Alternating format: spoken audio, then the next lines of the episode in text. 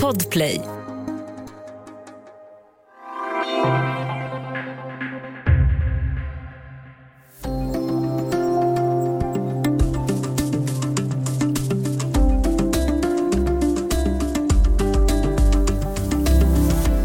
Danmark och Österrike hör till de länder som inte tänker vänta på att EU ska få fram mer vaccin mot covid-19.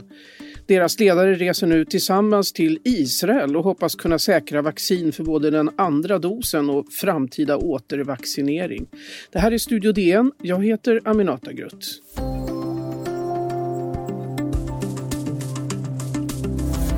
Vi vil blandt andet drøfte, hvordan vi kan blive mere selvforsynende med vacciner, både på kort sigt og i forhold til at få adgang til flere vacciner mod covid-19, men også på længere sigt i forhold til eksempelvis genvaccination. Ja, där hörde ni Danmarks statsminister Mette Frederiksen tala om att landet vill kunna bli självförsörjande på vaccin. Eh, vi har med oss Pia Gripenberg, DNs EU-korrespondent i Studio DN. Välkommen! Tack, tack! Du, vad är det som ligger bakom den här resan som Mette Fredriksen pratade om här tillsammans, alltså Danmarks resa tillsammans med Österrike? Ja, det är ju både att Österrikes Sebastian Kurst och eh, Danmarks Mette Fredriksen är väldigt frustrerade över att det är som brist på vaccin i EU. Och Danmark ligger väldigt långt fram. De är ju tillhör de EU-länder som hunnit vaccinera flest, störst andel av sin befolkning. Och det, nu gör de väl allt då för att säkra att man kan fortsätta hålla en hög takt och framför allt att man på längre sikt inte ska hamna i ett sånt här läge igen, att det blir brist på vaccin. Och var, varför reser de just till Israel? Ja, Israel har ju, ligger väl längst fram i hela världen vad jag vet just nu. De har vaccinerat över hälften av sin befolkning eh, i första dosen och de, när det gäller de som är 60 plus tror jag är, då har man hunnit, 80 procent har fått sin andra dos också. Och dels då har man ju då ett system som är väldigt effektivt uppenbarligen, så det kan ju vara intressant att titta närmare på. Men sen kan man ju också tänka sig att om några månader så är Israel fullvaccinerade och har då landet kvar vaccindoser kan de ju sälja det till någon annan. Ja, är det en av de sakerna som man hoppas uppnå då? Att kunna få till stånd ett avtal om att köpa vaccin eller vad finns det mer på på platån? Alltså, man vet inte riktigt det där. Det får man nog se vad som kommer ut efter torsdagens möte, vad som kommer ut av det. Men det man, när man pratar på lång sikt, då vill man ju ha ett eh, samarbete med forskning och produktion därför att eh, Israel har egen produktion av vaccin, eller de har bolag har sin anläggningar i Israel och Österrike och Danmark skulle väldigt gärna vilja ha egen produktion. Österrike har varit uttalat att man har till och med sett ut en plats var man tycker att man ska ha en anläggning. Danmark säger väl mera det indirekt, inte lika, riktigt lika tydligt här. Mm. Om man ska bygga egen vaccinationstillverkning, vad har, hur så att säga, spelar det med EUs regler? Ja, men det kan man ju göra. Det är ju, eh, det, är ju, alltså det EU har gjort, eller EU-kommissionen har gjort, att man har ju samordnat vaccinupphandlingen för medlemsstaternas räkning med ett antal läkemedelsbolag. Men när det gäller liksom produktion av, det är ju respektive läkemedelsbolag som bestämmer vad man vill ha sin anläggning. Eller ja, man ska ju ha klartecken och det är väldigt krångligt att bygga en eh, läkemedelsfabrik med extrema krav på renhet och allt sånt där. Så att det, det gör man inte riktigt i en handvändning. Men det är klart att för enskilda EU-länder är det säkert jätteviktigt att kunna locka till sig de här läkemedelsbolagen, att de placerar sin vaccinationstillverkning just i deras land. Så man måste inte vänta på EU att de tar några beslut eller så? Nej, det behövs inte. Det, det, det, i, EU med, med, beslut och tillstånd, det har ju då Europeiska läkemedelsmyndigheten. Det är de som fattar beslut. Alltså de ska ju godkänna också att en anläggning får användas till produktion av vaccin och det ska myndigheter på flera håll i världen göra. Om det är så att man vill exportera till USA till exempel, då ska amerikanska läkemedelsmyndigheten godkänna en enskild anläggning om den nu ligger i Österrike eller Danmark eller Sverige.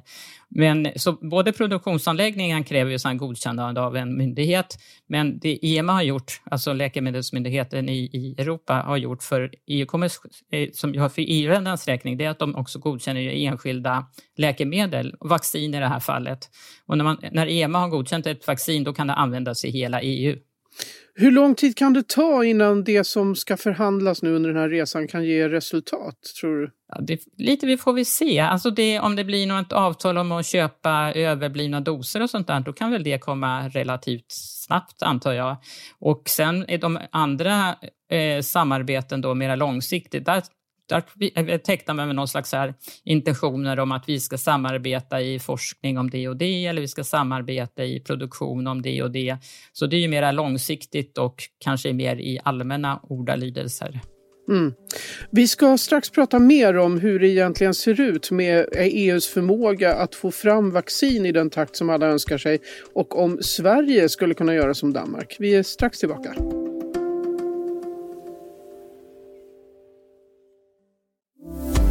Ja, vi pratar eh, vaccin mot covid-19 med DNs EU-korrespondent Pia Gripenberg. Eh, Pia, hur ser EUs förmåga ut att få fram vaccin egentligen i dagsläget? Alltså EU är ju mycket i händerna på läkemedelsbolagen här. Eh, EU-kommissionen har ju tecknat avtal om, eh, ja, jag tror det är över två miljarder doser, alltså det ska räcka till eh, e EUs invånare många gånger om. Men de har ju blivit försenade. De här eh, leveranserna som skulle komma har inte kommit i tid därför att det är, ja, det är problem. Att börja tillverka ett nytt vaccin är inte hur enkelt som helst. Och eh, medan Moderna och Pfizer-Biontech, de ligger rätt i nivå med vad de har lovat leverera, så är AstraZeneca ligger långt efter.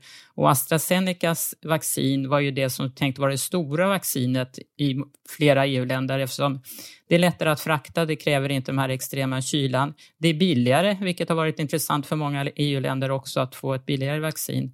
Så att när AstraZeneca då föll bort, alltså de levererar ju men väsentligt mindre än vad man trodde och vad AstraZeneca lovade, så har det ju blivit en eh, ja, krisstämning kan man säga.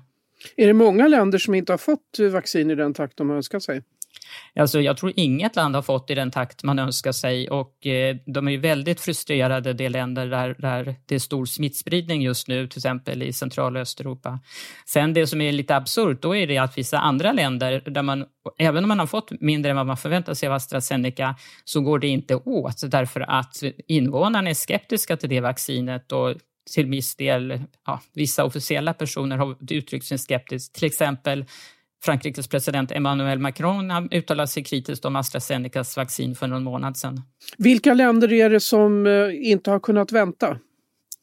Alltså de som är i kris och alltså verkligen behöver vaccin, det är ju Öst och Centraleuropa. Dels är deras sjukvård i sämre skick än vad det är i västvärlden och sen är det väldigt stor smittspridning i flera av de länderna, till exempel i Tjeckien.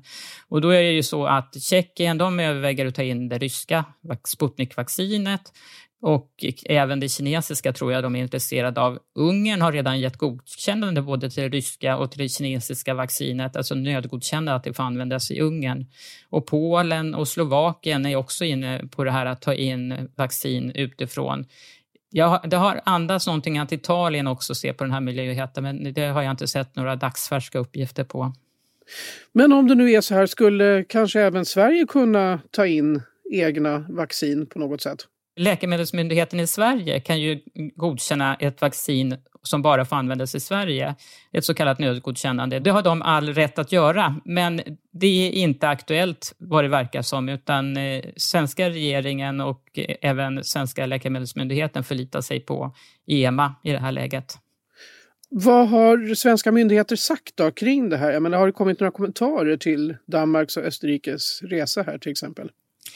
Alltså, vi har ju försökt eh, få fram en bra kommentar av eh, Lena Hallengren, socialministern. Och hon, det hon väl konstaterar att Sverige följer eh, EUs linjer. Att det finns liksom inte en massa vaccin som ligger och skräpar som man kan ta in på något sätt. Och att, att eh, det Danmark och Österrike ska göra i Israel, det ser hon mer som ett, ett långsiktigt projekt.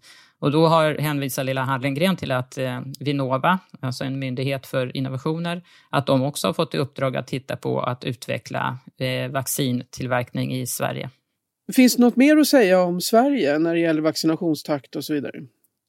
Alltså det har ju gått lite långsamt och regionerna har ju lite olika takt där. Men det som är, är bra för svensk del, det är ju faktiskt att vi är väldigt villiga att låta vaccinera oss. Det är inte alla länder där, det, där befolkningen är lika pigga på att ta ett vaccin. Så på så sätt är ju förutsättningarna bra i Sverige att vi kan snabbt kunna vaccinera oss om, vi får, om de levererar nu som de har lovat under andra kvartalet så, så är ju fortfarande prognosen att eh, en majoritet ska kunna vaccinera sig till i sommar. Okej, okay, så att det, vi har fortfarande, eh, vad ska man säga, en förhoppning om att man ska kunna följa det som sades i vintras nu? Då? Ja, det är det. Men det bygger ju också på att det inte blir några ytterligare förseningar utan att de läkemedel som är på väg att godkännas, att de blir godkända och att AstraZeneca lovar att, eller levererar det de lovat att göra. Då ska det greja sig. Det säger då de ansvariga i dagsläget i varje fall. Känns det betryggande? Kan vi lita på det tror du? Alltså jag vet inte. Det är ju i och med att det varit mycket turer hit och dit. Det är, Ja, när folk har fått det där sticket i armen, när regionerna har fixat det här överallt, då, och innan vi vet det, ja, det dröjer nog till försommaren innan man kan säga definitivt, tror jag i varje fall. Men ja, jag kan ha rätt, jag kan ha fel. Men du, om nu eh, Sverige blir färdigvaccinerat, eller hur nu ska uttrycka det, eh, andra länder då? Det påverkar ju våra möjligheter att resa och röra oss runt i, i världen. Om vi tar Europa, hur ser vaccinationsviljan ut i Europa? Ja, den är, det är ju blandat. Vissa länder är villiga att vaccinera sig, men sen till exempel Frankrike, där är ju stor skepsis mot att vaccinera sig. Och till exempel Tyskland ligger man ju efter i Sverige. Där kan man inte vara vaccinerade förrän en bit in i september, eller så kallat färdigvaccinerat. Så det påverkar ju hur vi kan resa och röra oss i Europa. Det påverkar ju väldigt mycket av hur långt andra länder hinner och att de överhuvudtaget når då den nivå som bedöms som säker. Så att det är, Frankrike är det stora problemet just nu när det gäller vaccinationsviljan. Mm. Okej, okay, det låter som att vi får helt enkelt eh, hålla oss ett tag till när det gäller planera semesterresor i Europa. Ja, man ska väl boka med avbeställningsskydd kan man tänka sig. Mm. Ja, tack så jättemycket för att du var med i Studio DN, Pia Gripenberg, DNs EU-korrespondent. Tack så mycket. Studio DN görs för Podplay av producent Sabina Marmulakai, exekutiv producent Augustin Erba, ljudtekniker Patrik Miesenberger, tekniker Oliver Bergman, Bauer Media och jag heter Aminata Grut.